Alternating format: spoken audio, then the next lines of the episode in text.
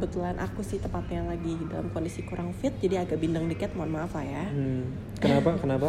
Karena pila, karena kan pancaroba, bukan corona ya guys, sorry. Karena sekarang tuh orang-orang kalau kayak pakai masker atau bersih dikit tuh, oh corona, corona gitu. Jadi Hmm. kayak aduh. Jadi deh. jadi bahan candaan ya? Iya, jadi orang warga pesenum gue tuh santai banget ya, kayak Hmm. terlalu santuy untuk kalau di luar negeri kan kayak waspada corona ada ada step-stepnya gitu Hmm. kan um, pencegahan segala macem. Kalau Indonesia tuh dijadiin meme. Enggak kayaknya kalau di enggak kalau di Indonesia tuh cukup dipercandaan aja si virusnya juga minder kayaknya. Iya, virusnya masuk Indonesia, eh nggak jadi deh. Iya. Gue mah kalah power deh keluar Iya. lagi. Iya makanya. Makanya. Hmm. Nah, but anyway, um, hari ini kita pengen ngebahas tentang apa nih, Nduk? Apa saat? Hari ini kita bakal bahas tepatnya misuh-misuh sedikit kali ya Hmm. um, tentang Kenapa harus misu-misu? Quarter life crisis soalnya. Oh, kenapa tuh?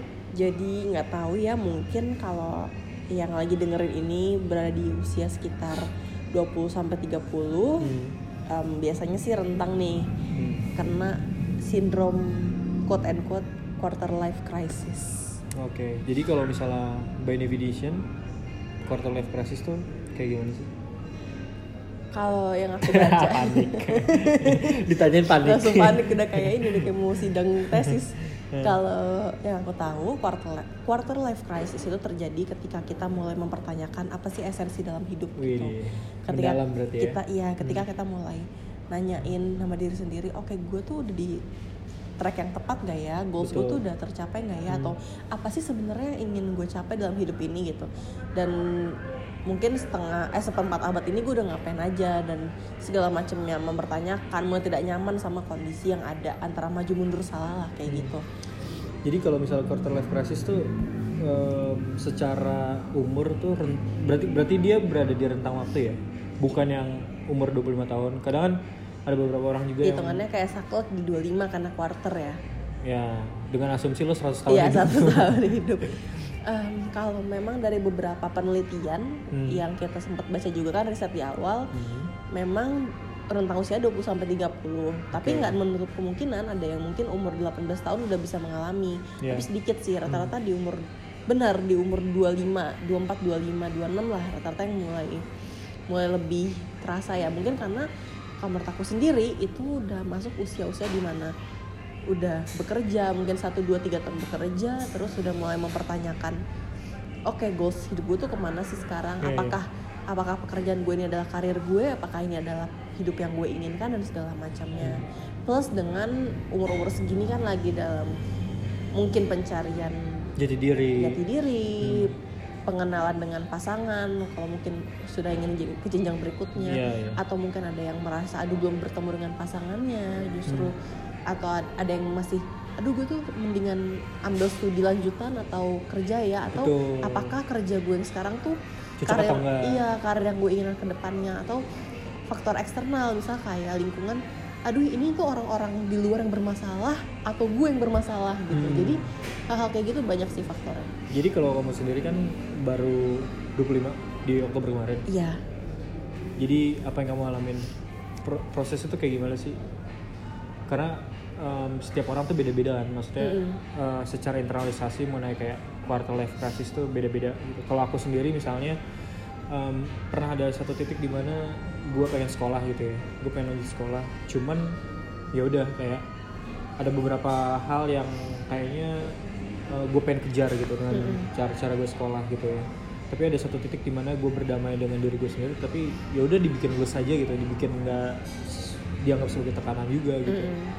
Karena ya bener sih maksudnya kayak setiap orang tuh pernah menjalani fase itu gitu pencarian jati diri. Kayak misalnya em, ada berubah lingkungan gitu misalnya lo punya tanggung jawabnya beda gitu misalnya kayak fasenya tuh beda. Kayak misalnya udah lepas dari rumah aja. Misalnya kayak dari SMA terus kuliah gitu ya kuliah di luar kota. Itu kemudian pastinya udah beda gitu. Lo punya tanggung jawab lebih punya tanggung jawab lebih punya tekanan lebih juga dari lingkungan punya ekspektasi lebih juga gitu terhadap diri lo sendiri atau emang dari lingkungan sendiri punya tekanan itu dari keluarga atau dari teman-teman?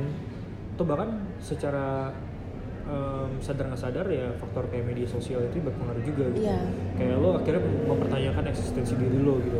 Karena em, itu juga fenomena yang menarik yang dibahas karena quarter life crisis ini kan terjadi di usia umur 20 sampai 30 rata-rata dan usia-usia inilah juga yang aktif bermain sosial media. Betul. Dan kalau kamu tanya tadi pengalaman aku pribadi, aku pun mengalami gitu. Maksudnya em, tapi sih aku ngalaminnya gimana ya? nggak sepenuhnya aku ngeblame sosial media sih ya. Mungkin uh, ada titik di mana life was good Hmm. it was good kayak beberapa tahun lalu aku merasa semuanya stabil kayak aku kerja di tempat yang mungkin maksudnya aku bekerja di dalam kondisi yang aku memang passionate punya bisa berkarya segala macam bertemu dengan surrounding yang wah gitu misalnya umurnya sama segala macam receh-receh semuanya aku sambil kuliah Hmm. postgrad gitu di situ bisa sambil belajar jadi ibaratnya merasa hidup tuh balance senin sampai jumat implementasi atau kayak langsung ngerjain sesuatu sabtunya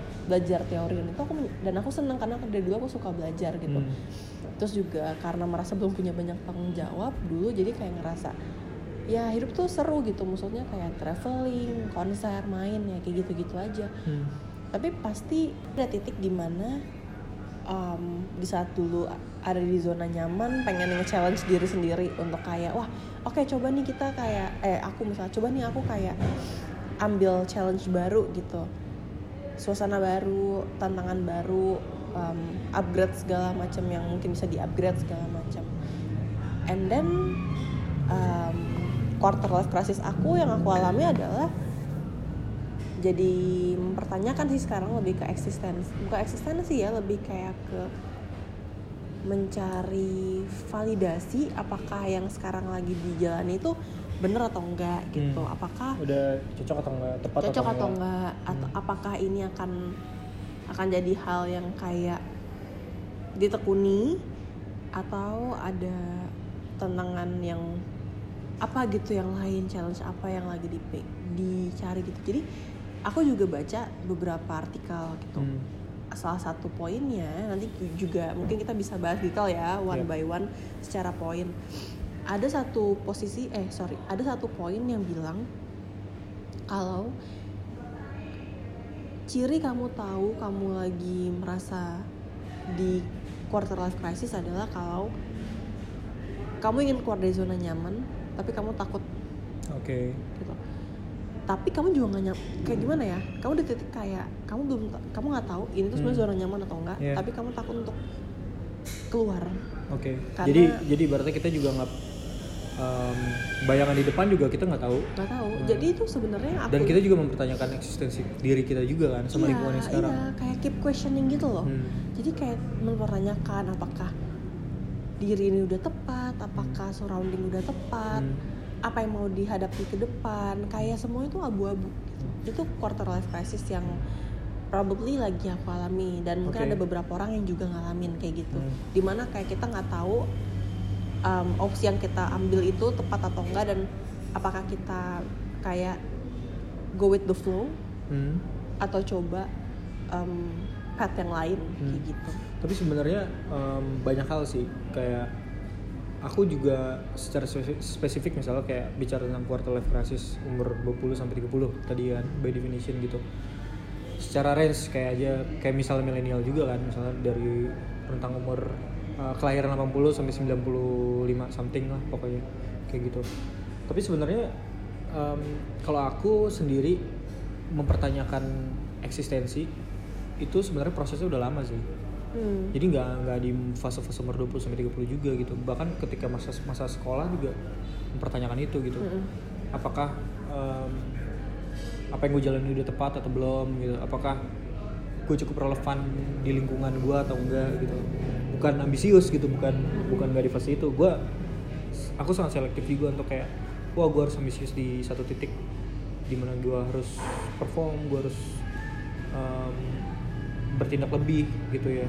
Aksi lebih untuk kayak ngejar sesuatu. Aku nggak nggak kayak gitu juga orangnya sebenarnya gitu. Tapi perasaan kayak kayak kamu bilang tadi lo tetap mempertanyakan gitu eh, apakah udah tepat atau belum sih? Prosesnya udah dari lama gitu. Dan sebenarnya ya kalau aku flashback lagi gitu ya kita lihat ke aku lihat ke belakang lagi ya emang ya mungkin itu fasenya aja emang ketika Hmm. menjadi manusia ketika lo berproses gitu ya emang harus melalui fase itu gitu justru akan menjadi sesuatu yang naif juga ketika lo nggak mempertanyakan diri lo sih Iya. ya jadi kayak sebenarnya lebih kayak ngobrol kan ngobrol antara Diri sendiri. gitu Iya, ngobrol benar. dengan apa yang ada di dalam diri kita sendiri gitu apakah gue udah tepat atau belum gue relevan atau belum atau nggak misalnya punya relationship gue cocok nggak sama orang ini Mm-mm. kalau misalnya udah ke jenjang serius apakah penerimaan keluarganya baik atau enggak jadi kayak dalam kerjaan juga gitu gitu apakah um, gua kerja ini buat sekedar memenuhi kebutuhan gua doang atau ini menjadi tempat buat aktualisasi diri gua karir gua di sini dan lain-lain. Tapi ya kalau dari aku sendiri sih lebih baik dinikmatin aja proses itu gitu. Karena setiap orang bakal mengalami fase itu gitu. Tapi idealnya adalah ketika misalnya menjalani fase itu mengalami fase itu ya kita ngobrol sih dengan dengan tandem yang tepat gitu untuk kayak either keluarga atau teman terdekat gitu untuk untuk ngobrol setidaknya Iya. jangan jangan ada perasaan kayak aduh menghadapinya sendirian ya gitu menghadapi ya. sendirian gitu Karena memang um, aku juga tahu pada konsepnya kalau memang kita ingin menuju next level gitu atau Hmm. proses yang baru yang lebih besar, memang pasti kita akan berkawan dengan ketidaknyamanan gitu. ya itu pasti Justru di saat kita merasa tidak nyaman, ada dorongan dari diri untuk kayak oke kita harus ubah ini, kita harus jadi lebih baik. Hmm. Pada konsepnya seperti itu. Tapi balik lagi perasaan juga perasaan manusia kan bukan robot, ya jadi kadang pasti orang-orang ya maksudnya banyak lah yang berkawan dengan um, ketidaknyamanan tersebut misalnya gini berkawan dengan rasa oke ini gue nggak nyaman. Tapi juga nggak nggak banyak juga yang kayak tahu oke gue harus apa. Betul sih betul. Gitu. Jadi mungkin perasaan itu ya. Jadi em, kalau aku sih ngakal ini adalah karena aku ngerasa aku nggak ngerti itu oh ternyata itu quarter life crisis gitu namanya gitu istilah psikologinya lah itu quarter life crisis itu memang ada gitu untuk mempertanyakan identitas kita pencarian jati diri. Dan kalau lo semua misalnya ada yang masih kuliah menurut gua salah satu fase yang terbaik juga untuk lo eksplorasi banyak hal mencari identitas lo adalah ketika masa fase kuliah gitu. Berteman dengan sebanyak mungkin lo ikut organisasi dengan lintas background juga lo cari nih titik titik nyaman lo di mana gitu. Atau enggak titik yang gue gue pikir kayaknya ini deh gitu jadi gimana lo tahu juga kan kayak apakah ini cocok dengan diri lo atau enggak ketika lo juga nggak mau berani untuk explore gitu jadi em, menurut aku ya salah satunya ya eksplorasi sesuatu yang baru terus juga ngobrol dengan banyak orang jadi salah satunya kayak gitu sih tapi the trick the trickiest part justru bukan saat kuliah sih Du. hmm. Justru saat di dunia kerja ya karena menurut aku ya quarter ya setiap setiap orang kan punya Iya, masing-masing. pacingnya beda-beda. Tapi gini, quarter life crisis itu salah satunya adalah yang aku lihat ya.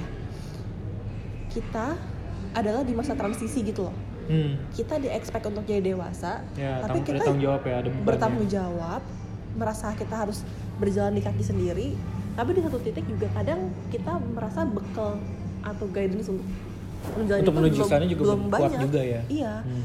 Kenapa terjadi quarter life crisis juga menurut aku kayak gitu.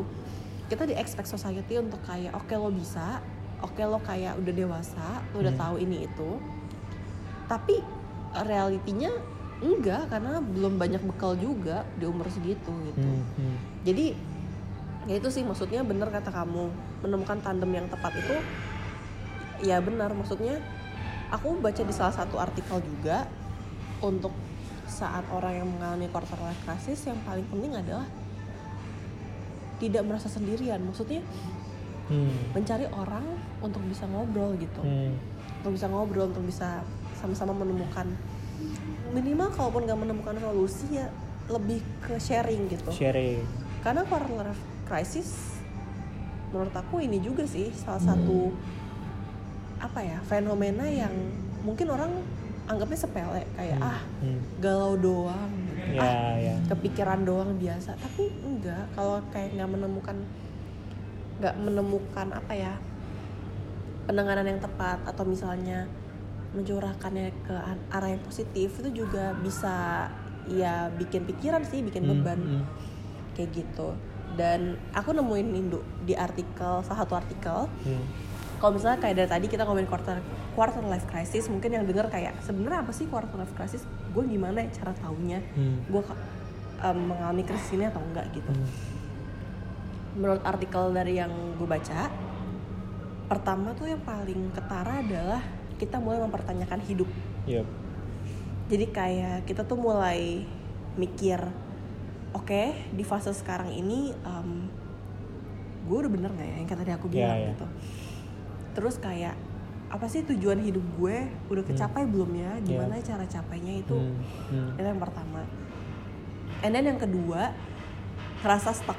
Ngerasa jalan di tempat. Ya. kayak pernah gak sih kamu kayak ngerasa oh tiap hari tuh kayak oke gue Ngejalanin gini-gini rutinitas aja. gitu ya. yes kayak lo ke kantor lo kerja lo pulang ya udah gitu. Kayak even though misalnya mungkin kamu selingi dengan main dengan apa segala macam have fun tapi ada di titik di mana kayak oke gue di sini sini aja Hmm. gitu nggak usah jalan di tempat and then itu ngaruh sama kurang motivasi juga sih kalau udah mulai ngerasa oke gue nggak ngerasa pengen ngelakuin sesuatu itu salah satu simptomnya juga sih nggak tau Oke. aku lagi ngalamin itu sih lagi ngalamin kayak oke um, I was a passionate person tapi kayak kadang ada di titik sekarang-sekarang ini kayak aduh ngapain ya kayak maksudnya malas gitu kayak Hmm. malas tuh bukan karena kayak emang malas aja enggak kayak ada dorongan dalam diri yang kayak aduh kayak gue nggak punya energi nggak punya Oke. energi yang banyak untuk ngelakuin um, hal ini hal itu Hmm. gitu nah sebenarnya kalau ditarik-tarik lagi bukan karena males tapi karena ada itu ada beban psikologi yang mungkin sedang berjalan gitu Iya, betul. dan simptom selanjutnya adalah bingung memilih keluar dari zona yang nyaman atau enggak Hmm. mungkin kayak Ya kayak orang kehilangan arah aja gitu. Ibaratnya lo mau ke kiri, lo nggak tahu di kiri ada apa, ke kanan juga lo nggak tahu di kanan ada apa. Tapi lurus pun lo nggak yakin dengan apa yang lo jalanin gitu kan. yes Nah, jadi maksudnya kayak gitu kan. Mm-mm. Lebih kayak lo akhirnya ya udah stuck aja di tempat gitu. Iya. Mungkin ini ini ini pilihan terbaik gitu. Dan akhirnya kita sebenarnya lagi kehilangan arah sebenarnya gitu. kayak maju segan bertahan gak mau gitu loh Ya, ya. nah udah gitu simptom selanjutnya adalah kita merasa nggak bahagia sama pencapaian yang didapat Hmm. Itu bukan berarti kayak ah nggak bersyukur loh kan orang Indonesia suka gitu ya Hmm. kayak ah lo kurang doa lo kurang syukur gitu Hmm. probably ya mungkin tapi nggak nggak sepenuhnya benar gitu kadang ada yang ngerasa kayak aduh kok gue gini ya kok gue gitu ya jatuhnya sih salahnya adalah jadi mendegradasi diri gitu Betul. tapi ya itu um, itu salah satu simptom kalau oke kayaknya lo lagi mengalami quarter quarter life crisis deh Oke. Kayak gitu. Terus um, simptom selanjutnya adalah merasa, merasa terombang ambing. Whether dalam masalah percintaan finansial um, ya mungkin kan kadang ada orang yang kayak netizen lah ya atau kayak orang-orang di Indonesia kan sering banget kayak eh lo kapan? Atau kayak eh udah umur segini kok belum nikah? Gitu. Eh kapan lulus? Eh kerjanya gitu-gitu aja apa Ya, ya posisinya? tuntutan-tuntutan dari tuntutan eh, society tuntutan sebenarnya masyarakat ya. iya jadi merasa kayak oh oke nih gue sekarang gimana ya gitu Hmm. kayak merasa jadi ragu em, apakah keputusan yang nanti bakal diambil bener apa enggak gitu Oke. terus em, simptom selanjutnya adalah tertekan dengan lingkungan sekitar Hmm. jadi nggak selamanya quarter life crisis itu ada dari internal Hmm. tapi dari eksternal juga mungkin Oke. ada ketidaknyamanan ada ketidak satu pahaman lah ya sama Hmm. society yang sedang sehari harinya dijalani kayak gitu tuh juga salah satu faktor Yap. gitu itu sih dan aku tadi lihat kayak beberapa apa namanya beberapa penyebab sih katanya di Hmm. artikel itu kenapa sih kita em, bisa mengalami mengalami quarter life crisis pertama suka main sosmed suka main game suka ngeluh dan juga menutup diri Hmm. kayak gitu Tapi sebenarnya kalau kalau dari aku sendiri ya, even kayak misalnya sampai sekarang pun em, dan ini sebenarnya masih bukan masih sih emang aku pelihara sih perasaan ini kayak gue tuh takut salah satu takutan gue menjalani hidup adalah ketika gue udah gak relevan lagi gitu Hmm. pertama adalah itu menjadi motivasi kedua itu karena apa namanya punya perasaan itu punya dorongan itu akhirnya gue mencoba untuk banyak hal gitu gue belajar hal yang baru gue seneng banget belajar hal yang baru Mm-mm. ketika misalnya menjalani sesuatu kayak aduh kenapa sini bla bla bla gitu atau enggak kayak ah kenapa ibaratnya gue udah nyaman di posisi sini kenapa gue harus belajar sesuatu yang baru lagi Iya. gitu tapi di satu sisi itu juga menjadi em, dorongan kuat juga untuk kayak oke gue belajar sesuatu yang baru oh berarti emang ini sesuatu yang eh, ada dan dibutuhin gitu Mm. Jadi ketika misalnya gua ngerasa di fase tertentu gitu ya di fase tertentu kayaknya gua ngejalanin rutinitas aja deh. Nah itu gue tuh udah mulai khawatir gitu dengan apa yang aku jalanin gitu. Mm. apakah ini sesuai atau enggak? Kenapa misalnya berada di fase ini terus? Even sesuatu yang kita jalanin itu yang menurut banyak orang juga sesuatu yang keren sesuatu yang cool gitu. Hmm. sesuatu yang eh, nggak semua orang bisa berada di situ juga gitu. Tapi dari proses internalisasi diri nggak kayak gitu penerimaannya gitu Iya. karena itu tadi dorongan untuk kayak aduh ketakutan gue untuk nggak relevan Mm. itu lebih lebih besar gitu dibandingkan kayak gue harus mendengarkan apa namanya em, omongan-omongan orang lain juga gitu dan tuntutan yang lain gitu sebenarnya banyak sih kalau kalau kita mau bicara tentang kayak mempertanyakan hidup itu kan banyak banget gitu. Ya sebenarnya tuh general banget sih. ya gen- general banget. Bisa bicara tentang keuangan bisa bicara dengan eh, pasangan juga relationship dengan Iya. keluarga. Misalnya lo punya pasangan dengan pasangan lo sendiri apakah dia orang tepat atau enggak? Iya. apakah gue berlaku em, sesuai porsi atau enggak? Apa gue terlalu berlebihan? Apakah gue bucin? Dan lain-lain. Jadi Iya. pertanyaan-pertanyaan kayak gitu tuh banyak banget gitu Tapi kalau aku ngeliat fenomena ini mungkin karena sebenarnya Hmm. kita lagi yaitu yang kayak balik lagi transisi kita udah menjadi orang yang lebih dewasa dari sebelumnya. Jadi kita udah mulai berpikir secara kritis apa yang kita lakuin ini benar atau enggak ya. Iya, iya. Gitu. Dan bener juga kayak kata kamu tadi. Salah satu cara yang untuk kayak oke gue nggak boleh nih setelah mungkin denger ini oh ternyata kayak gue iya deh gue relate deh gue quarter life crisis tapi apa yang harus gue lakukan gitu. ya jadi sebenarnya Iya. Uh, yang paling penting adalah ketika lo mengidentifikasi diri lo sendiri gitu ya lo berada di fase mana sekarang yang perlu dipikirin yang jadi fokus adalah uh, gimana caranya untuk keluar dari posisi itu sih Iya, ya jadi nggak nggak cuma kayak oke gue kayak gini tapi kayak do nothing gitu ya. ya betul jadi nggak masalah maksudnya kayak lo menjalani fase itu dan lo harus berpikir kayak um, kayak semua orang tuh menjalani fase itu gitu Iya, iya. siapa pun dia gitu dengan strata sosial kayak gimana status ekonomi yang kayak gimana semua orang menjalani fase itu gitu Atau mungkin di saat kamu lihat ada rekan kamu yang terlihat baik-baik aja, mungkin dia udah mengalami itu sebelumnya betul ya. atau sedang mengalami Atau sedang mengalami itu, Iya. tapi nggak pernah tahu gitu. Iya. Karena psikologi seseorang kan nggak bisa kita lihat kayak sekasat mata gitu Hmm. ya.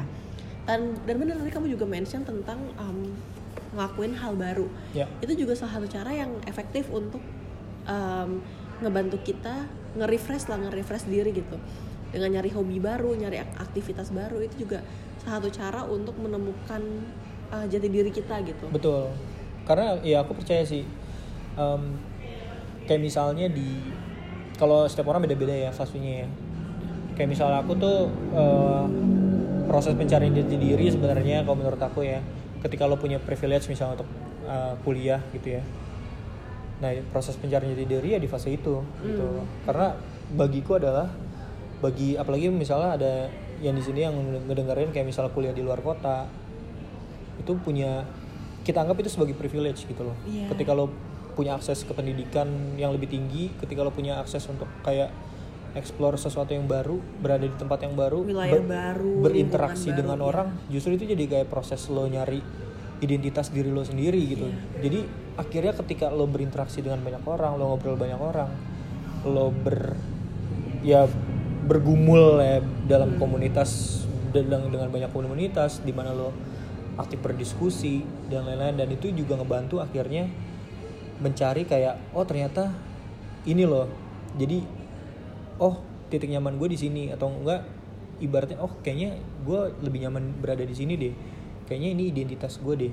kayak gitu jadi kayak oh kliknya di sini deh gitu karena Iya. setiap orang tuh menurut aku ya nggak ada nggak ada fasenya yang kayak setiap orang tuh kayak harus nemuin jati dirinya di umur 20, 25, Iya, patokannya 30 sebenarnya. jadi em, iya nggak kayak kejar deadline gitu ya jadi iya santai nggak ada aja. kejar deadline gitu jadi kayak setiap orang tuh bisa mengalami fase ini gitu karena sebenarnya di fase ini juga em, penting untuk mungkin bergabung dengan komunitas baru atau Betul. mungkin ya ya sesuatu yang baru lah ibaratnya Iya, lo. baru. Atau mungkin leb- justru nggak cuma mencari yang baru tapi juga memperkuat hubungan dengan mungkin teman keluarga atau pasangan. Bisa cerita sama mereka jadi mendapatkan perspektif yang baru juga gitu. Iya iya iya. Itu maksud salah satu bentuk untuk mencari jati diri juga ya. Betul betul. Jadi maksud ya gampangnya adalah ya kalau lo misalnya di rumah selama ini dalam tiga tahun cat kamarnya warna hijau ya lo ganti lah warna putih lo cat sendiri. Maksudnya Ya, ada sesuatu ya, yang ya.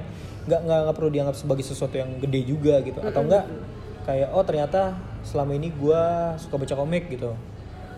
Tapi di tahun berikutnya atau di bulan depan coba deh apa namanya baca sesuatu yang baru lagi. Misal baca sejarah atau Iya. enggak karena penemuan jati diri itu adalah proses yang lo terus mencari gitu. Iya benar. Dan nggak- sebenarnya nggak ada sampai kapan pun. Iya iya iya. Sampai kapan pun nantinya ada middle middle life crisis mungkin ya juga. proses pencarian dari diri itu nggak ada ada, terus. Ada akan ada terus gitu. Kayak kalau misalnya kita mungkin kayak yang denger ya di mana gue nyari komunitas gitu. Kayak misalnya segala macam. Sebenarnya banyak banget kayak di online.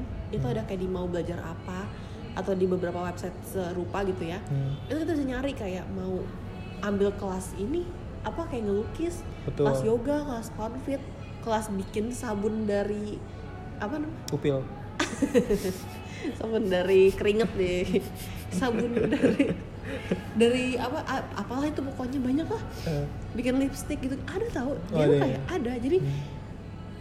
bisa aja kayak tadi kita nggak nggak tahu kalau kita punya sisi yang artsy gitu ya betul betul karena kita malah jangan lo mendiscover itu iya jangan lo belum pernah explore aja gitu kan iya jangan lo mungkin stuck kayak aduh gue kerjaan gue kayak misalnya ngitung-ngitung doang misalnya Hmm. ternyata sisi jati diri lo tuh adalah tuh menggambar gitu Hmm. Tapi emang perlu sih maksudnya kayak kita ngobrol sama diri kita sendiri untuk Iya. yang kayak ya put pressure sama diri sendiri kayak lo tuh jangan boring lah jadi orang gitu. Ngerti gak sih?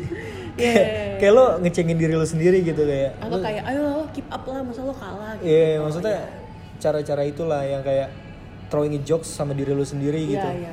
Kayak masa lo gini-gini aja atau enggak kayak ah anjing cemen banget gitu atau enggak tapi nggak berarti itu mendegradasi diri ya lo bukan juga ya bukan bukan iya maksudnya arti kan arti itu lebih yang, kayak heeh. em, arti itu lebih kayak kita pengen ngobrol sama diri kita sendiri sebenarnya kayak Benar.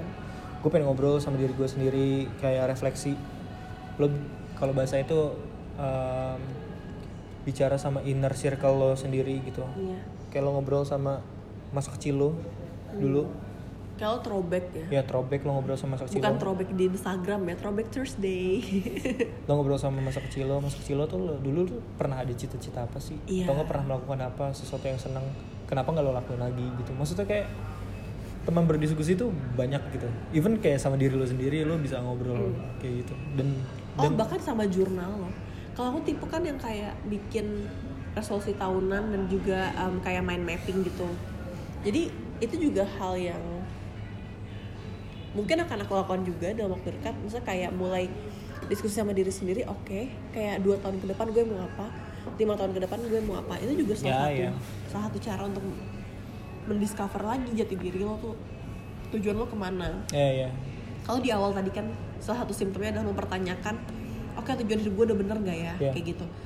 Sebenarnya bikin mind mapping um, beberapa tahun ke depan gitu salah satu cara untuk keep on track gitu. Jadi lo nge, nge-keep hmm. yang lo lakukan itu udah bener gak sih gitu. Dan Iya. kalau misalnya ada something wrong di tengah prosesnya oke kayak gue ke mana ya gitu. Ya, ya.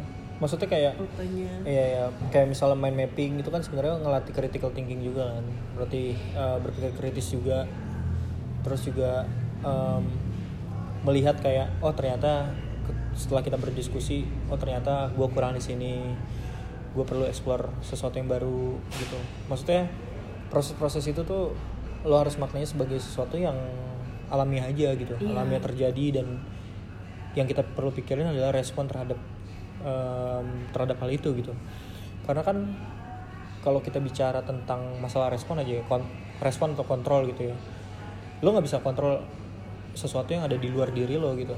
Tapi lo bisa merespon atau mengontrol apa yang akan lo respon gitu. Sikap respon yang lo timbulin tuh lo bisa kontrol gitu. Sesuatu yang eksternal tuh nggak bisa gitu. Tiba-tiba orang ngeplak lo gitu di jalan lo nggak bisa kontrol gitu. Tapi respon terhadap ketika ketika lo dikeplak lo tuh bisa gitu untuk responnya kayak gimana gitu. Iya. maksudnya eh, Balik lagi ke respon kita terhadap suatu masalah ya. Iya, iya, bukan berarti kayak gue ngomong kayak gini so bener atau enggak. Yang gue bilang tadi gitu, gue bahkan kayak day to day juga gue selalu uh, melatih diri gue sendiri untuk kayak bilang lo tuh harus relevan, relevan, relevan gitu. gitu, itu ngelatih gue diri, ngelatih diri gue sendiri juga untuk kayak belajar sesuatu yang baru. At least dalam waktu tiga bulan lo belajar sesuatu yang baru lagi, dalam tiga bulan belajar sesuatu yang baru lagi. Atau ternyata habit yang baru kayak selama ini lo kayak lebih banyak aktivitas lo untuk kayak di media sosial tapi coba switch sedikit aja deh Tapi media sosial itu berperan tau dalam quarter life crisis yang Ya. dialami anak-anak zaman ya itu sekarang. pasti lah Apalagi Instagram sih, kayak the way kita comparing diri itu. Itu untuk orang-orang yang aktif bisa iya bisa enggak sih gitu karena aku tentang diri aku ada beberapa temen aku yang memang mungkin sampai diaktif Instagram Hmm. karena ngerasa kayak oke kayak apa yang even lihat myself nggak aktif Even di kamu nggak aktif di nggak main Instagram IG lagi sekarang kayak Yes. ada titik aku nggak tahu kayak maksudnya whether you'll share it or not gitu di podcast ini cuma ada beberapa temen aku yang um, sampai kayak oke kayak 15 detik. Kan kalau sesuatu kan 15 detik 15, 15 detik gitu gitu ya. Hmm. kayak hidup yang singkat yang yang, yang ditunjukin sama orang-orang tuh kayak aduh kok dia happy banget? Oke dia udah married oke dia tunangan oke dia punya anak oke dia udah lulus oke dia ini itu. And then jadi nge-compare sama diri sendiri. Iya. gitu. Ada sih yang kata orang kalau jahatnya kayak aku pernah baca di twitter sih soalnya kayak itu sih bukan bukan masalah um, Instagramnya emang lo aja yang iri kayak gitu. Hmm. tapi aku nggak setuju sih sama pendapat itu karena ya balik lagi saat kita nge saat kita nge-publish suatu konten kan kita lempar ke masyarakat. Betul. Ya tanggapannya beragam gitu. Betul. Jadi apa apa apa yang punya mungkin lo punya asumsi kayak em, apa yang lo post itu lo nggak ada intensi untuk uh, apa-apa gitu tapi orang yang melihatnya kan lo nggak pernah tahu Iya. gitu, ya kan respon dia terhadap konten lo lo nggak pernah tahu gitu ternyata bisa bisa jadi salah satu konten lo itu berkontribusi terhadap depresinya dia bisa jadi dong Probably ya. Iya, eh, iya. Ini aja even ya. Nih aku juga baru cerita sama kamu di sini nih. Eh, pas lagi di podcast ini. Kemarin mbak kosan aku, eh dua hari yang lalu ya yang aku ngobrol mbak kosan agak Hmm. lama. Itu dia bilang kayak aku baru ngeh juga. Aku kan suka ngepost di Instagram story sama WhatsApp story kan. Iya. Terus mbak aku ngomong enak banget sih eh, mbak Sarah kerja kantoran kayak makannya enak-enak terus Hmm. kayak oke maksudnya aku aku kan suka update konten makanan karena aku emang suka makan kan kayak Hmm. kita suka makan gitu hunting-hunting makanan baru gitu tapi aku kayak di titik oh Hmm. oke Hmm. kayak ada mbak kosan gue yang lihat Hmm. Probably ada orang yang aku nggak tahu yang ngeliat yang mungkin less fortunate dari kita yang Hmm. mungkin nggak bisa afford atau apa Hmm. ya hal-hal sekecil itu aja bahkan kayak Ya, sekarang betul. perlu kita consider gitu Betul sih.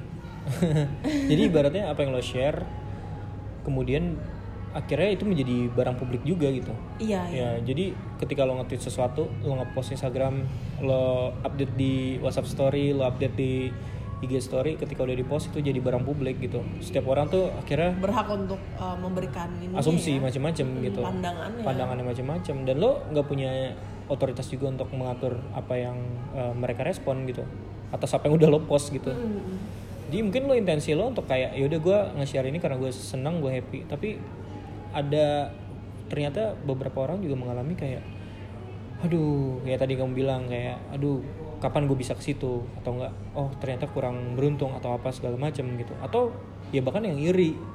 Simpelnya kayak ya iri ini ngapain sih ngepost ini terus? Atau ya banyak Iya, hal iya, gitu kita kayak nggak pernah tahu. Kita dalam bersosialisasi sehari-hari kita nggak pernah tahu juga kan pikiran orang. Ya ya betul. Gitu. Ya dan kita juga sebenarnya nggak ada otot tanggung jawab juga untuk untuk memikirkan itu tapi untuk ya untuk untuk berada di eh, fase itu untuk se detail itu juga tapi ya tapi maksudnya kalau ngomongin balik lagi kayak ke kenapa krisis pertengahan umur ini terjadi di eh seperempat umur ya seperempat abad inilah pokoknya.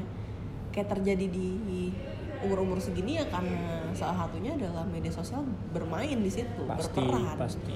dengan orang-orang kayak oke misalnya even aku tuh be honest ya kayak misalnya aku ngeliat ada beberapa temen yang kayak wah mereka udah kayak liburan ke sini ke situ yang kayak ke luar negeri pastilah ada rasa walaupun bukan yang kayak ih gue iri nggak gitu tapi pasti ada rasa kayak duh kapan ya gue gitu hmm. kalau kita tarik lagi kalau ke contoh yang tadi aku jelasin kayak mbak kosan aku Ya, padahal yang- juga- iya yang aku kira sesimpel kayak kita makan biasa pulang kantor Hmm. bagi dia tuh kayak wah enak banget ya gue pengen kayak gitu Hmm. gitu jadi banyak banget angle yang karena kan media sosial kan sosial ya beragam yang lihat gitu. Kita nggak bisa Ya, ngefilter. Even even tuh ada kayak fitur close friend sekarang di Instagram. Kamu bisa ngefilter teman-teman kamu buat lihat. Kamu nggak pernah tahu teman-teman kamu yang kamu filter itu juga punya pandangan apa segala ya, ya macam. maksudnya filter itu kan cuma berlaku kayak eh, itu asumsi kamu oh ini teman dekat gua. Seharusnya dia nggak mikirin ini ya kan? Seharusnya, ya gitu seharusnya kan. akhirnya munculnya ya asumsi-asumsi itu juga gitu. Dari situ aja kita udah mulai ribet gitu. Dengan Iya. untuk memfilter tadi fitur yang close friend. Apalagi lo harus mendetail kayak harus mikirin kayak aduh ini orang mikirin ini nggak ya? Mikirin itu nggak ya? Em, pada kenyataannya emang kita berada di fase itu aja gitu. Kita berada di lingkungan itu dan gimana caranya juga kita bisa keep up dengan ya sesuatu yang menurut menurut aku ya. Itu tadi untuk bisa mengatasi itu salah satunya kalau misal aku sendiri ya ngobrol aja dengan diri diri lo sendiri gitu. Apa yang lo cari sih dalam hidup gitu ya. Kalau emang ini nggak ngeberatin lo ya lo lakuin gitu. Kalau nggak lo ngerasa ngerasa kurang sama apa yang lo ini ya lo coba kejar. Asal ya perlahan-perlahan aja sih Iya. gitu. Santai aja gitu. Terus tentuin vision juga sih ya ya ya mind mapping penting diskusi sama diri sendiri Betul. nanya kayak ke depannya mau apa kalau ngerasa kayak oke ini mungkin ini kayaknya ngerasa kurang tepat gitu kayak gut feeling masih ini kurang tepat apa yang bisa dilakuin habis itu gitu kan Betul. kayak next stepnya apa itu Betul, juga betul. penting terus juga ngobrol sama orang yang kamu percaya gitu Ya. dan aku percaya sih sebenarnya orang-orang yang bisa kita percaya dalam hidup tuh nggak banyak mungkin Ya, nggak nggak lebih dari jari betul tangan betul kita gitu. betul. Jadi ya pinter-pinter untuk menemukan orang yang bisa dipercaya Ya. dalam jangka waktu yang lama. Hmm. untuk kayak bisa kayak keep up untuk oke gue ngalamin ini. Oh lo ngalamin ini. Hmm. apa ya kita saling sharing kayak gitu. Ya ibaratnya kayak sekarang kita uh, bikin podcast terus tag ngomongin quarter life crisis ini. Sebenarnya kan kalau kita bicara uh, lebih jauh gitu ya ini kan kayak fase diskusi kita berdua juga Iya. Kan. fase diskusi kita berdua juga juga kita berdiskusi juga uh, secara sadar nggak sadar berdiskusi dengan diri kita sendiri gitu Hmm. mengenai hal ini topik ini jadi bukan hanya kayak ayo kita cari topik sesuatu yang emang uh, mungkin gak relevan sama kita juga gitu Iya, gak justru- relate sama kita justru juga karena kita relate jadi kayak kita menyampaikan ini dengan kayak perspektif dan perspektif dari orang yang mungkin udah atau sedang mengalami gitu iya iya maksud maksudnya kayak gitu gitu Mm-mm. kalau ini sesuatu yang emang ya lo pasti akan mengalami itu tapi lo mungkin jenjangnya lo nggak tahu kapan gitu Hmm. ketika misalnya banyak hal sih maksudnya kayak ada yang emang yang beruntun dia bener-bener kayak di satu waktu dia eh, mengalami fase di mana eh, setiap orang kayak tekanan dari keluarga mempertanyakan statusnya dia Mm. Tapi juga di saat yang sama gitu ya. Keluarga juga misalnya ada tekanan lain kayak mempertanyakan lo kerjaan kerja apa sih? Hmm. kayaknya terus lo bicara sama diri lo perasaan kayaknya gue baik-baik aja nih ngejalanin ini. Tapi kayaknya kayak society itu yang tapi ribet gitu. tekanan yang ribet keluarga luar. keluarga ribet banget gitu ya kan. Atau enggak teman-teman lo kayak em, mempertanyakan juga apa yang lo jalanin gitu. Padahal kayak kita happy happy aja gitu. Iya iya jadi iya, iya. Menurut aku ya. Intervensi ini ya perspektif orang lain justru ya. Iya, makanya kita hidup di opini orang lain. Dan aku dan aku kayak eh, mungkin udah ngejalanin ini sekitar satu tahun satu setengah tahun satu, satu tahun lah. Intensif kayak udah. Gue bener-bener memfilter banget apa yang harus gue pikirin. Hmm. karena gue bener-bener kayak kadang even kayak gue ketemu orang gitu ya gue yang udah memfilter banyak hal gitu ibaratnya kita bisa bicara banyak hal nih dengan siapa pun gitu ya. Kita bicara bisa ngobrol tentang karir tentang hal-hal yang bahkan sensitif. Tapi lo harus disadari atau enggak gitu ya lo harus punya juga batasan juga untuk kayak oke gue masuk ke tahap ini fasenya tuh sampai mana gitu. Jangan sampai kita nggak punya benteng itu dan akhirnya itu menginfluence kita juga gitu. Kalau aku sih udah mulai nerapin itu ya. Arti kayak aduh ini kayaknya penting nggak penting gitu. Oh ini harus gue pikirin atau enggak gitu. Oh ini harus benar-benar gue consider atau enggak atau ini cuman ya udah casual conversation aja ngobrol biasa dengan temen kayak gitu. Bukan berarti kita nggak peduli sama orang lain gitu. Tapi nyatanya emang daripada daripada nih ya daripada kayak orang berusaha untuk kayak peduli padahal ya mereka nggak peduli gitu cuma mau tahu aja cuman gitu mau tahu ya. aja gitu. Atau nyari konten bahkan. Nyari konten bahkan gitu. Jadi aku eh, juga kayak pembatasan gampangnya gini. Kayak orang lain sebenarnya nggak mau tahu-tahu banget tentang hidup kita gitu. Iya. ya mereka cuman mau tahu kecuali keluarga ya? Ya mereka mereka cuman mau tahu permukaannya aja. Dan ya udah setiap orang tuh punya masalah masing-masing. Jadi kayak sesederhana itu aja gitu. Ya kecuali misalnya emang benar-benar tuh kayak yang circle yang memang benar-benar kita harus lihat ya keluarga kita sendiri. Ya nggak nggak banyak lah sebenarnya kalau lo pengen mau hitung siapa yang harus lo benar-benar pikirin iya. gitu. Iya, iya. kamu sering bilang kayak gitu sih. Hmm. kayak dalam hidup tuh semua orang punya masalah masing-masing gitu kan. Iya mereka tuh bodoh amat dengan hidup Iya, orang lain sebenarnya. jadi tuh kayak di saat kita juga mungkin mungkin gini kita lagi kayak ada masalah segala macam sama diri sendiri. Ya sebenarnya udah terlimitasi ke diri sendiri kan untuk kayak oke gue harus mikirin diri gue sendiri. Tapi selain itu ya yang bisa kita pikirin ya keluarga kita keluarga Hmm. terdekat gitu. Atau Ya. mungkin pasangan atau mungkin teman-teman terdekat. Jadi kadang juga limitasi itu penting untuk kayak nggak bisa mikirin semua hal. Betul. Nggak mikirin ekspektasi orang terhadap kita Hmm. mikirin tuntutan society segala macam. Ya, ya kecuali lo berada di jabatan tertentu, lo sebagai presiden, lo sebagai wali kota, tentu lo harus mikirin rakyat yang milih lo gitu. Maksudnya tapi ini bicara tentang sebagai individu yang biasa gitu ya, yang emang Iya. lo nggak ada jabatan atau kayak gimana gitu ya. Bicara bertanggung jawab atas orang-orang Iya, banyak gitu ya Iya iya iya. Kayak gitu sih maksudnya kayak bener-bener kita tuh emang harus kalau buat aku sendiri ya salah satunya ngelimitasi apa yang harus benar-benar aku pikirin gitu. Bukan berarti kita nggak peduli, bukan. Gue cuma ngebatasin aja gitu. iya ya benar-benar Karena sesederhana kayak ngobrol sama diri sendiri, kayaknya lo energinya nggak banyak deh gitu. iya Lo tuh nggak terlalu banyak energi energinya, tapi terbatas jadi mau di, di spend ke mana Iya, gitu. lo tuh lo lo tuh di mau di spend ke mana dan itu sebenarnya hasil ngobrol juga sama diriku sendiri gitu. iya Makanya salah satu titik temunya adalah kayak gitu sih, gitu. benar-benar karena sebenarnya kalau ngomongin kayak gini kan ini banyak ya jadi nggak mungkin kayak step satu kamu ini step dua kamu Ah, ini iya. terus kayak tiba-tiba ya berhasil masing-masing. ya tiba-tiba Hmm. "Iya, gue nggak nggak krisis jati diri lagi gitu nggak juga tapi ya bisa jadi lo ntar setahun lo udah terbebas, tahun depannya lagi lo mengalami itu Iya. fase-fase itu, mempertanyakan identitas lo lagi. karena kan tiap kan tiap fase aku melihat itu tuh kayak hidup tuh kayak game gitu loh kayak permainan Hmm. untuk mencapai level selanjutnya ada big boss yang harus kamu Ya, ada tantangan. ada tantangannya ada challenge-nya ada Dan lo tahu juga ada rewardnya juga. Iya betul. Hmm. Jadi untuk mendapatkan rewardnya atau kamu bisa pass through the next level, ada hal harus kamu lewati. Betul. But it doesn't mean begitu kamu di level selanjutnya enggak ada tantangan Gak ada gak ada selanjutnya. tantangan Jadi, selanjutnya. Nah. Tapi yang paling penting menurut aku adalah gimana cara kita keep up sama diri sendiri sih untuk kayak gue harus apa, kayak apa yang bisa gue jalan gini, apa yang bisa gue lakuin untuk ngelewatin at least di fase ini gitu. Betul. karena ya kalau misalnya nyerah di misalnya udah ngerasa kayak aduh gue nggak mampu nih kayak gue nyerah deh sekarang gitu.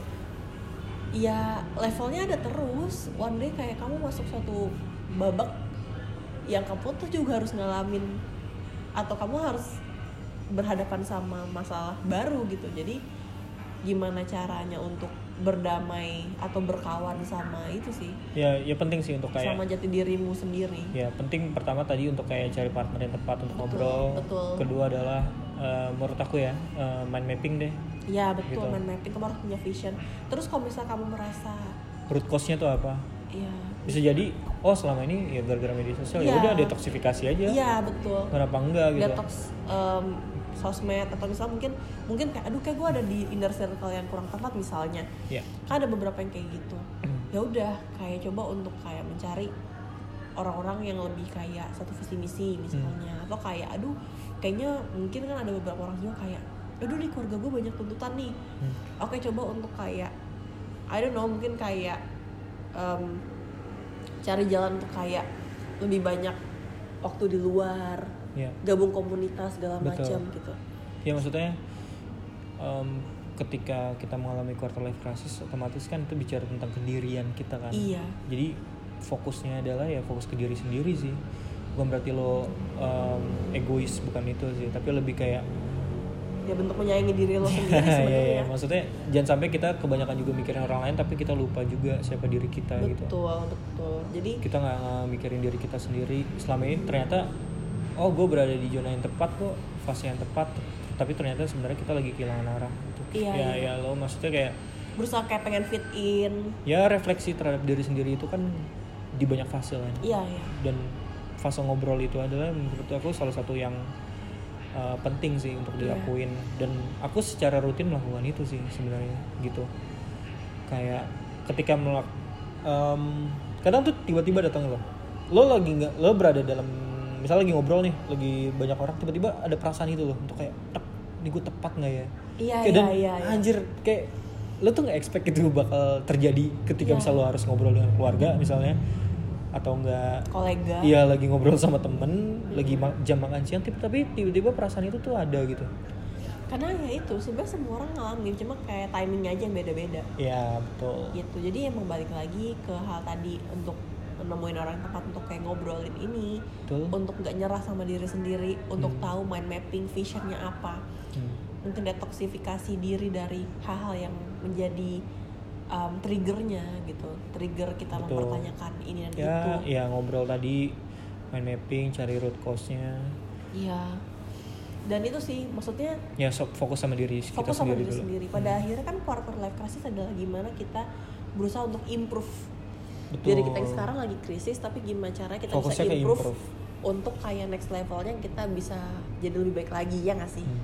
Kalau aku sih dari aku sih kayak yang penting kita udah tahu misalnya setelah ngobrol itu root cause-nya di mana santai aja sih pelan-pelan aja gitu nggak Iya, perlu yang lo melakukan sesuatu yang ekstrim tiba-tiba langsung lo delete akun Instagram lo delete Twitter Iya, lo nggak gitu juga. tapi akhirnya lo kila- bener-bener kehilangan arah gitu pokoknya kayak sabar, santai aja kayak sabar satu-satu ya kayak gitu jadi kayak satu-satu jalanin kayak dilihat oh gue harus ini gue harus itu. Nggak apa-apa text time. Mungkin bisa seminggu sebulan tahunan mungkin. Tapi as long as kita fokusnya adalah improve improve untuk diri sendiri jadi lebih baik ya harusnya bisa sih justru sebenarnya yang terpenting adalah kita mampu untuk mengidentifikasi apa yang terjadi dalam diri Yes. kita sendiri sih itu udah tahap yang tepat sih untuk kayak merasa oke something wrong Ya, ya. Ketika kita bisa mengidentifikasi apa yang terjadi sama diri kita sendiri, kita tahu apa yang harus kita lakuin kan. karena kamu sadar kamu akan melakukan sesuatu untuk Jangan sampai, perubahan gitu ya maksudnya jangan sampai sebenarnya kita uh, selama ini ngerasa baik-baik aja, sebenarnya kita terjebak di fase itu gitu. Karena kita sebenarnya kita nggak ke mana-mana. Karena denial mungkin Ya ya denial, rutinitas. Jadi perasaan-perasaan untuk kayak ya ngobrol aja sama diri lo sendiri deh gitu. Ibaratnya kalau diri lo sendiri bilang lo kayak bilang sesuatu yang kasar sama diri lo sendiri ya udah itu yang tahu diri lo sendiri gitu. Berarti bukan berarti menyakat, menyakiti bukan bukan, tapi lebih kayak lo perlu dipecut juga untuk kayak lo tuh harusnya gitu. ya maksudnya kayak lo tuh harusnya bisa lebih gitu.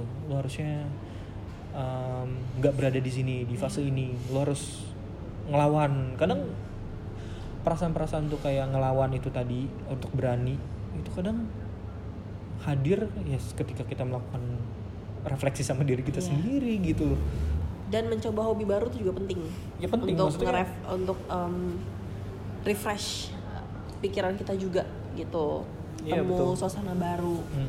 segala macam itu juga perlu sih itu sih paling kalau misal tentang permisuh-misuhan tentang quarter life crisis. Gitu doang permisu-misuhan seharusnya gimana? Enggak sih enggak. ya ya paling kalau dari aku ya coba fokus sama diri sendiri ngobrol. Nggak ada salahnya lo melihat diri lo waktu kecil lo ngobrol. Apa sih dulu lo punya cita-cita apa sih gitu? Atau keinginan apa saat itu? Kenapa nggak lakuin gitu sesuatu yang mungkin apa namanya ada dalam diri lo diri kecil lo dulu oh chasing gitu. the dream. Ya ya gitu maksudnya kayak iya iya iya di fase lo SMP tuh lo, lo punya dia punya motivasi apa sih? Atau enggak lo pernah melakukan sesuatu yang bikin lo fun tapi satu titik uh, lo sadar lo nggak melakukan itu sampai jenjang tertentu kenapa nggak lo lakuin lagi gitu. Iya iya benar. Maksudnya ya ba- banyak hal aja. Dan dan maksudnya yang paling penting adalah lo bisa mengidentifikasi diri lo sendiri sekarang kayak gitu. Oh dan stop comparing diri sama orang lain. Ya yang gak ada habisnya. Itu yang paling penting ya juga o- sih ya. setiap karena orang punya passion masing-masing. Ya karena jati diri ya tentang diri sendiri bukan Yes. tentang orang lain